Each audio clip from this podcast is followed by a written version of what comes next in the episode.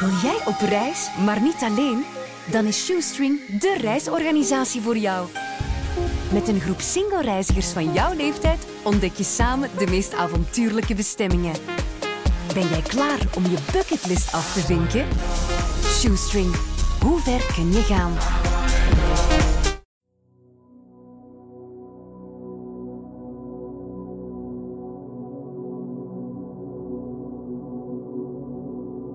Het Nieuwe Testament, de eerste brief aan Corinthiërs, hoofdstuk 7, versen 17 tot en met 24. Voor het overige moet ieder blijven leven zoals de Heer het voor hen beschikt heeft en zoals God hem geroepen. Zo schrijf ik het in alle gemeenten voor. Was iemand besneden toen hij geroepen werd, dan moet hij het niet laten verhelpen. Was iemand onbesneden, moet hij zich niet laten besnijden. Het gaat niet om of men besneden is of onbesneden, het gaat alleen om het onderhouden van Gods geboden. Laat ieder blijven zoals hij bij zijn roeping was. Bent u als slaaf geroepen, laat het u niet verdrieten. En zelfs als u vrij kunt worden, blijf dan toch liever slaaf. Want de slaaf die door de Heer geroepen wordt, is een vrijgelatene van de Heer. En omgekeerd is hij die als vrij man geroepen werd, een slaaf van Christus. U bent gekocht en de prijs is betaald. Word geen slaven van mensen, broeders en zusters. Laat dus iedereen voor God blijven in de staat waarin hij werd geroepen.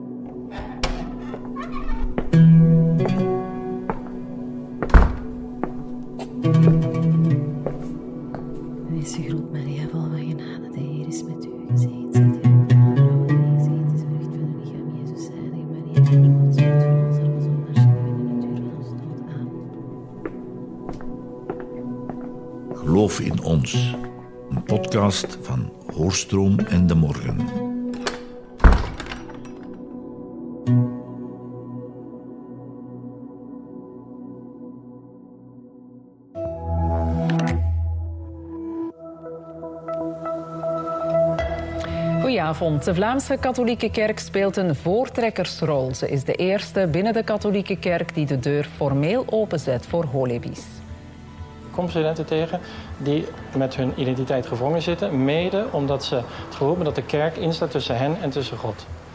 En, en die, kun je- die mensen kun je dus nu, vanaf nu, veel genereuzer, veel warmer, eh, erkennender tegemoet treden. Het is problemen met 20 het september orgaan. 2022. En datgene waar bisschop Boni naar verwees, wordt officieel met het publiek gedeeld. De Belgische, specifiek de Vlaamse tak van de katholieke kerk, neemt een hedendaags standpunt in over holibies. Eentje waardoor onze zoektocht in een stroomversnelling komt. De katholieke kerk in Vlaanderen doet wat nog geen enkele katholieke kerk ter wereld gedaan heeft. Ze zet binnen haar werking een structuur op om holibies volledig te aanvaarden binnen de kerk. Er komt een aanspreekpunt en een draaiboek voor een gebedsdienst om holibi-relaties in te zegenen. Vanaf nu moeten holibies openlijk worden opgenomen in de kerkelijke gemeenschap. Zij en hun naasten kunnen terecht bij de lokale parochie.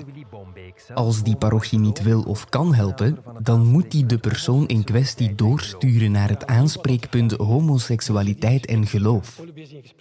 En dan, hetgene dat Simon en ik al maanden willen, een gebedsdienst voor homoparen. We kunnen dus officieel een moment in de kerk krijgen, want er ligt een draaiboek op tafel. Maar is zo'n gebedsdienst hetzelfde als een kerkelijk huwelijk? Met die vraag trek ik opnieuw naar bisschop Boni. Wij zeggen, wat wij nu nodig hebben is niet hetzelfde model van het sacramentele huwelijk ook daarop plakken. Laat dat model, dat eh, uit heel verre tradities komt, een man en een vrouw die elkaar trouw beloven, levenslange trouw, en zich engageren om met elkaar hun eigen kinderen te hebben en een gezin te stichten samen met hun kinderen, laat dat model zijn wat het is. Het is door de eeuwen heen tot ons gekomen met een, een inhoudelijke opvulling, menselijk, maar ook spiritueel en gelovig, wat dat inhoudt. En ook met een kader, een juridisch kader, een sacramenteel kader, dat ons vanuit de traditie wordt aangereikt.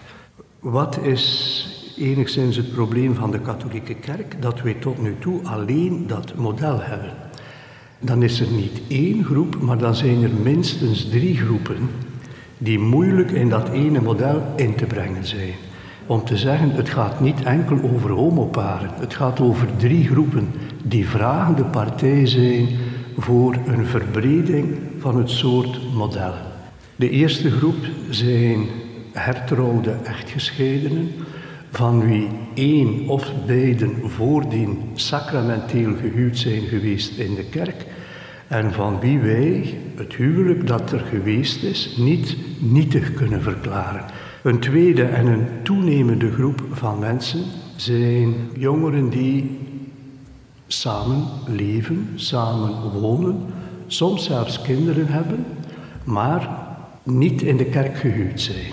Naar de letter van de oude regels kon dat niet, mocht dat niet.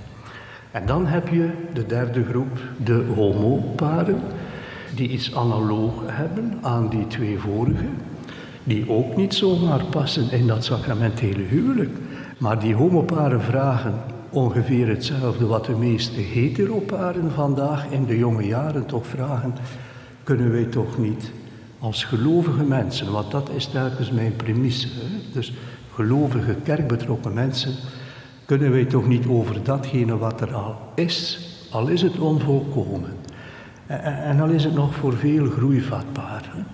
kunnen wij daarover het goede wat er is, God zegen, niet ontvangen. Wat hebben wij dus nodig voor die drie categorieën? Een bredere diversiteit van vieringen. Er wordt dus een nieuwe soort van viering in het leven geroepen. Voor de doelgroepen die niet in aanmerking komen voor het sacrament. Een alternatieve zegening. En met dat woordje heb ik het toch wel moeilijk. Alternatief. Natuurlijk ben ik blij met deze nieuwe stap, begrijp me niet verkeerd. Maar het is en het blijft iets anders. Niet hetzelfde. Want wat blijkt? Een zegening van een homokoppel, dat zal niet op papier worden vastgelegd. Uh, het huwelijksregister slaat op sacramentele huwelijken. Tot nu toe hebben wij alleen die genoteerd. Moeten wij ook aan zoiets denken van er is een zegening en een belofte geweest en dat het geacteerd wordt op een of andere manier. Die vraag leeft er, maar daar hebben wij nog geen passend antwoord op. Dat is dus voor later. Hoe jammer het ook is. Maar misschien moet ik nu gewoon genieten van de toch wel grote overwinning. Holibies krijgen op zijn minst erkenning, bestaansrecht, binnen de kerk, hier in België. En dat is uniek. Het staat trouwens in groot contrast met de open brief van het Vaticaan uit maart 2021. Het lef van onze tak van de katholieke kerk, dat bewonder ik enorm. Van zo'n gemeenschap wil ik wel deel uitmaken. Ik kijk al wat positiever naar de kerk en de toekomst. Ook al is het niet gelijk aan een heterohuwelijk. Maar nu onze bisschoppen dit standpunt hebben ingenomen, zouden priesters ook sneller kunnen toehappen op ons idee. Hoop ik. Het wordt dan ook toegestaan. En dat komt eerlijk gezegd best wel onverwacht. Maar waar ik me ook niet op voorbereid had, zijn de negatieve reacties van sommige kerkgangers, die al snel na het grote nieuws verschijnen.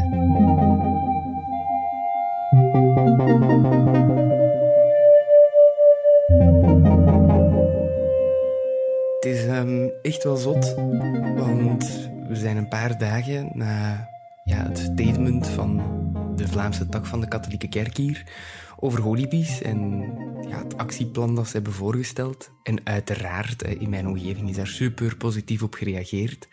Ik zelf ben ook super blij, maar um, waar dat je zo vooraf niet rekening mee houdt, is dat er ook tegenreacties komen. Um, wat normaal is, wat ook mag natuurlijk, maar toch, als het zo over een geaardheid gaat die dat je zelf hebt, dan voelt dat echt Allee, sommige woorden zijn zo hard en vooral ehm, vandaag is er een open brief verschenen, maar ik ga het anders gewoon eens, ik heb het afgedrukt, ik ga het anders gewoon eens een keer ehm, voorlezen. Hè?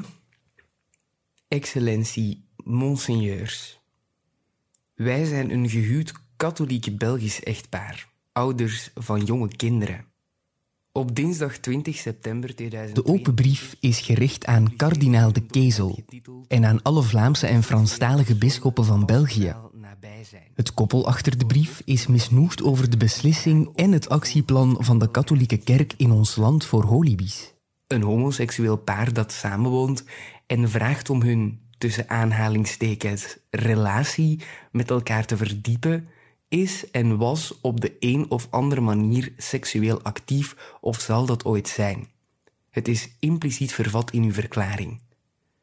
U keurt daarmee homoseksuele verbintenissen goed en dus noodzakelijkerwijs homoseksuele handelingen. De homoseksuele daad blijft volgens de kerkelijke leer echter intrinsiek ongeordend en schendt het zesde en negende gebod over kuisheid. Met de publicatie van het document hebben de Vlaamse bisschoppen formeel de leer van Christus over het huwelijk en de seksualiteit terzijde geschoven, waarvan het gebruik uitsluitend is voorbehouden aan het huwelijk. Dit wil zeggen de sacramentele verbintenis tussen een man en een vrouw. Uw initiatief is dus in strijd met de geest van de synode. Het bevorderen ervan is een flagrante ketterij. De voorgestelde gebeden zijn godslastering. Volgens de auteurs is homoseksualiteit een regelrechte zonde. Mijn euforie voor de grote stap in onze zoektocht wordt dan ook wat kleiner bij het lezen van zulke harde woorden. Hebt u nagedacht over het effect dat uw initiatief zal hebben op vervolgde christenen over de hele wereld, van wie er elk jaar duizend liever sterven dan hun geloof te verraden? Veel gelovigen in België lijden diep onder uw verklaring. We lijken wel het grof huisvuil van de straat of van het land. Ik voel mij al bijna schuldig, omdat ik zo'n alternatieve gebedsdienst wil. Echte pastorale begeleiding van homoseksuele paren moet worden aangemoedigd. Echte pastorale begeleiding van homoseksuele personen. Doelen ze nu op praktijken zoals duiveluitdrijving? Want ja, dat gebeurt nog. Maar het is wel strafbaar in België. Uw verklaring van 20 september weerspiegelt niet Gods liefde voor de homoseksuele persoon. Integendeel, het nodigt het geweten uit om de ernst van het morele kwaad te negeren. De zonde, in dit geval een homoseksuele verbintenis, zal nooit een bron van vrede en gedeeld geluk zijn, zoals u verkondigt. Wij zijn het kwaad. Dus ook ik ben het kwaad. Maar waarom eigenlijk? Verlangend de geboden van God en de leer van de kerk te volgen en ter wille van de eenheid van de kerk, vragen wij u, in naam van vele katholieken die door uw verklaring zijn gekwetst, uw document Homoseksuele personen pastoraal nabij zijn van 20 september 2022 in te trekken. Het statement ongedaan maken. Ik krijg na het lezen van deze brief eerder zin om zelf de handdoek in de ring te gooien. Waarom kunnen buitenstaanders toch zo'n invloed op je gevoel hebben? Wij vragen u opnieuw te bevestigen dat seksualiteit gericht is op de liefde tussen één man en één vrouw, in het sacrament van het huwelijk. Wij kunnen de nieuwe pastorale benadering voor homoseksuele paren, zoals verkondigd door de Vlaamse bisschoppen, niet gehoorzamen of aanvaarden, volgen of eraan meewerken. Gezien de ernst van het onderwerp geven wij toestemming deze brief ruim te verspreiden. Met de meeste hoogachting en dan de namen van het koppel. Dat maakt mij zo boos. Ik weet gewoon echt niet wat ik. Allee, dat. Hoe kan dit? Dit is in de 21ste eeuw neergeschreven. Door mensen die kinderen opvoeden. Mensen die hun kinderen deze wereld moeten leren kennen. Die hun kinderen in deze wereld moeten begeleiden. En die spreken zo over andere mensen, over personen. Mijn geaardheid zou een zonde zijn, maar zo'n dingen over uw medemens neerschrijven, dat is dan niet zondig? In wat voor een wereld leven wij eigenlijk? Serieus?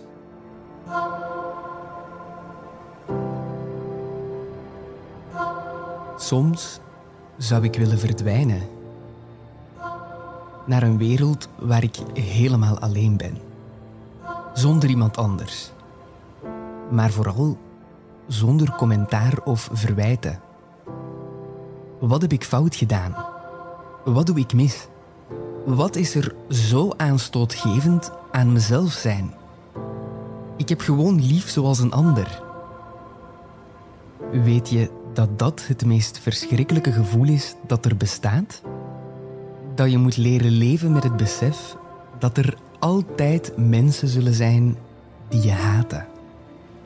Het persoonlijk op jou gemunt hebben. En eigenlijk zal je nooit weten waarom precies. Gewoon omdat je dat ene label krijgt: homo. Maar onder dat label plak er nog zoveel andere stickers. Ik ben een zoon, ik ben een broer, een collega, een vriend, een partner, een buur, een muziekliefhebber, een creatieveling en misschien wel het belangrijkste: ik ben een mens. Een persoon. Met gevoelens. Nu ik jaren openlijk uit de kast ben, begrijp ik eindelijk waarom een coming-out zo moeilijk is. Want vanaf het moment dat je de woorden uitspreekt, ik ben homo, begint de echte strijd pas. Het middelpunt van spot, pesterijen, niet altijd eerlijke kansen krijgen. En als je pech hebt, agressie. Je moet er allemaal maar mee om kunnen. En opgeven, dat doe je niet. Want je strijdt nu al zo lang. Je wil niet verliezen. Dus je wordt vastberadener. En soms volgt er een moeilijk moment. Maar je krabbelt altijd zo snel mogelijk terugrecht. Niet alleen voor jezelf, maar voor iedereen die is zoals jij. En dat verbindt ons. Die Holibi-gemeenschap.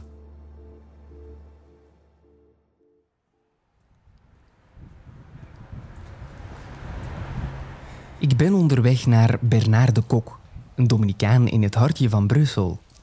Hoewel ik trots ben op de mijlpaal van de katholieke kerk in verband met holibies, blijf ik het vooral moeilijk hebben met het alternatief en de kritiek die het krijgt.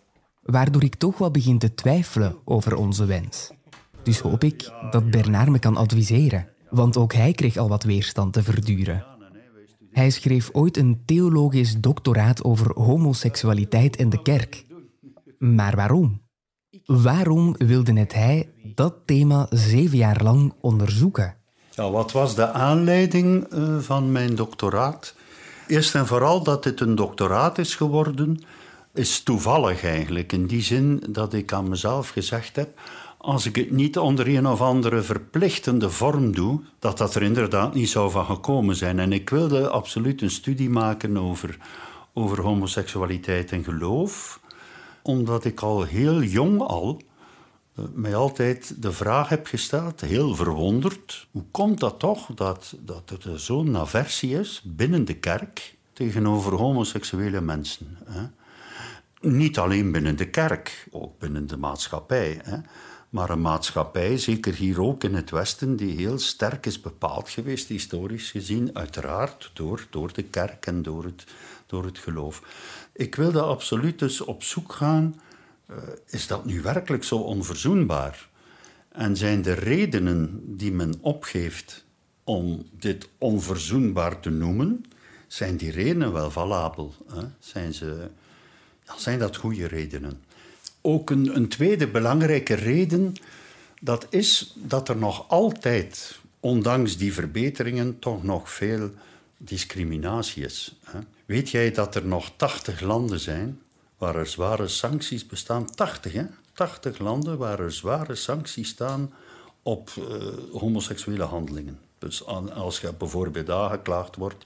Ik heb daar een interessant boek over door een Franse journalist geschreven, waarbij dat hij voor ieder land ook de strafmaat aangeeft. En dat gaat tot en met de doodstraf. Hè.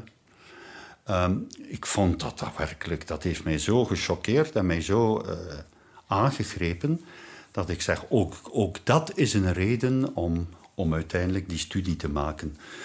Niet alleen in die 80 landen, ook in België, horen we toch af en toe nog heel uh, gore verhalen eigenlijk uh, over uh, discriminaties. Soms met, met zwaar geweld ook. Ik zou nog veel redenen kunnen nemen, maar dus dat was de belangrijkste reden dat ik zelf homo zijnde niet verstond.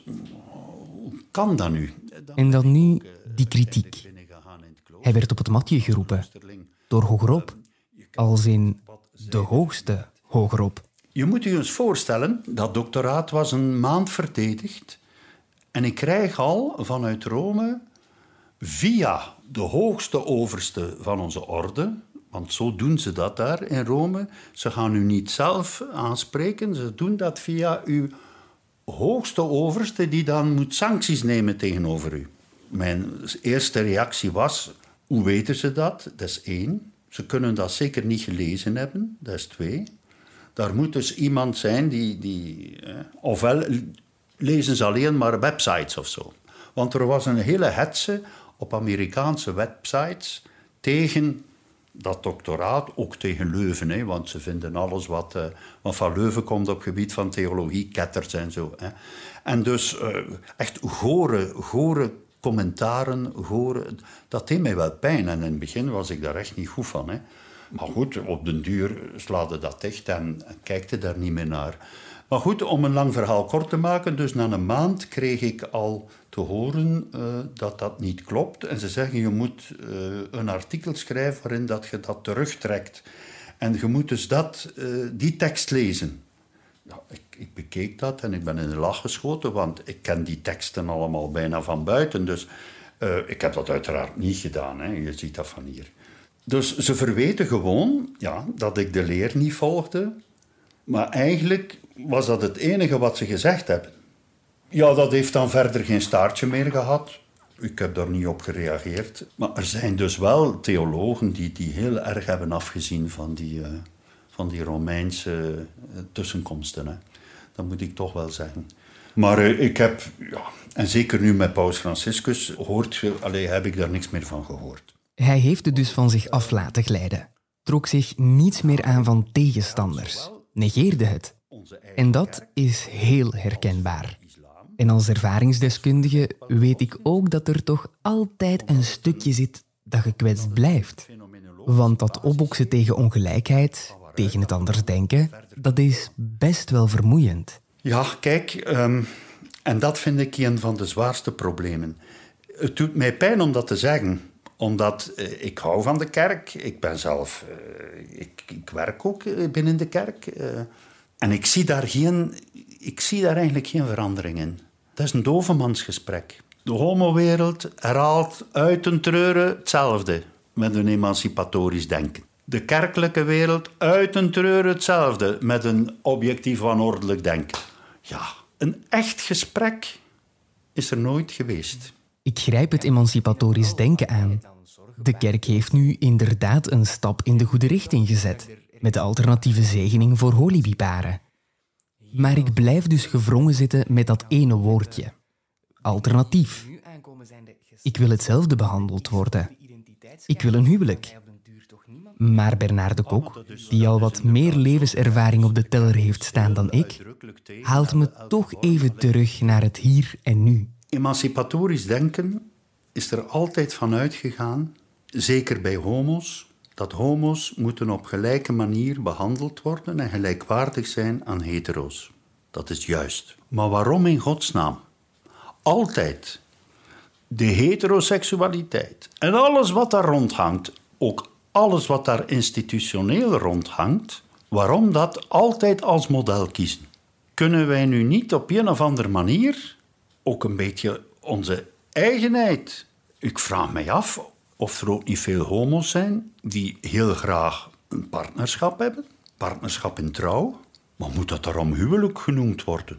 Ik vraag mij dat ernstig af, eerlijk gezegd. Ik weet dat ik mij daar heel wat uh, mensen te tegen mij in het harnas jaag. Hè? Uh, maar dat moet absoluut gelijk zijn. Nee, Ik zou zeggen, ja, je moet dezelfde rechten hebben. Dat is nogal duidelijk. Je moet dezelfde rechten hebben. Hij heeft gelijk. Maar voor mij staan een huwelijk en een alternatieve zegening niet op gelijke hoogte. Dus dan spreek je toch wel over ongelijke rechten. Dus dat wil zeggen dat je dus jullie verbintenis minderwaardig acht aan het zogenaamde echte verbintenis. Aan de zogenaamde echte verbintenis die je dan het huwelijk, hè, Mhm. en dat is, dat is de echte ding. En wij zijn daar toch maar... Maar dat, dat, dat, dat ligt aan ons, hè. Touché. Misschien zie ik het gewoon, te zwart-wit. Wat als ik de gebedsdienst die beschikbaar wordt gesteld voor holibies zie als het van het, als de nieuwe norm? Dan voelt het ook zo, toch? Dat is een beetje hoe de positieve psychologie werkt. En wie weet gaan anderen het op die manier ook als het nieuwe normaal beschouwen. Ons gesprek loopt bijna op zijn einde. En ik merk dat de man voor me me met alle respect nog op één iets wil wijzen. Wij, wonen hier in België. We zijn op dat gebied voortrekkers ook geweest, onder andere, onder andere eh, België.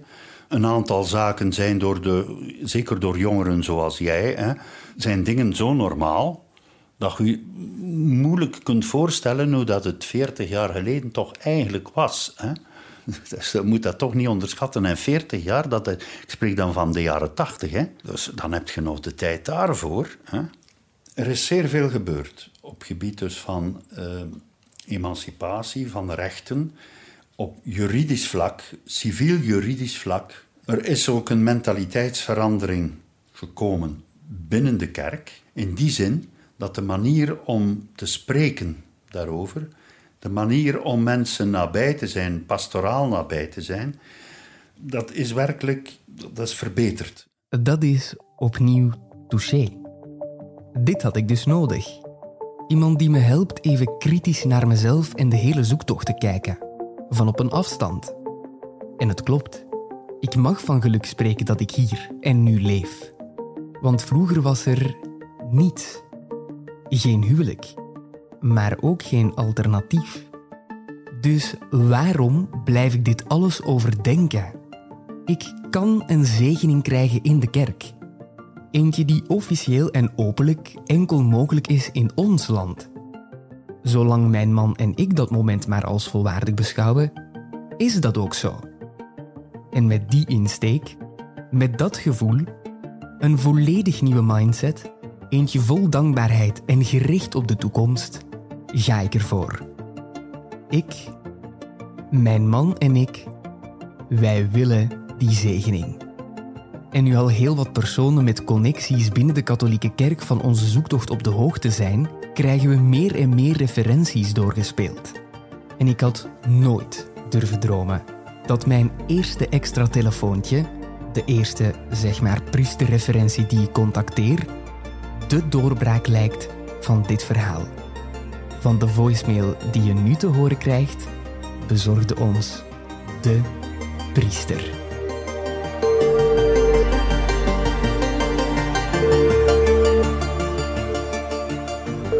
Herman Augustijns is momenteel niet beschikbaar. Gelieve een bericht in te spreken na de toon. Een goedemiddag, u spreekt met Laurens Bervoets. Ehm, ik heb uw telefoonnummer gevonden op Kerknet en ik belde gewoon eventjes op eh,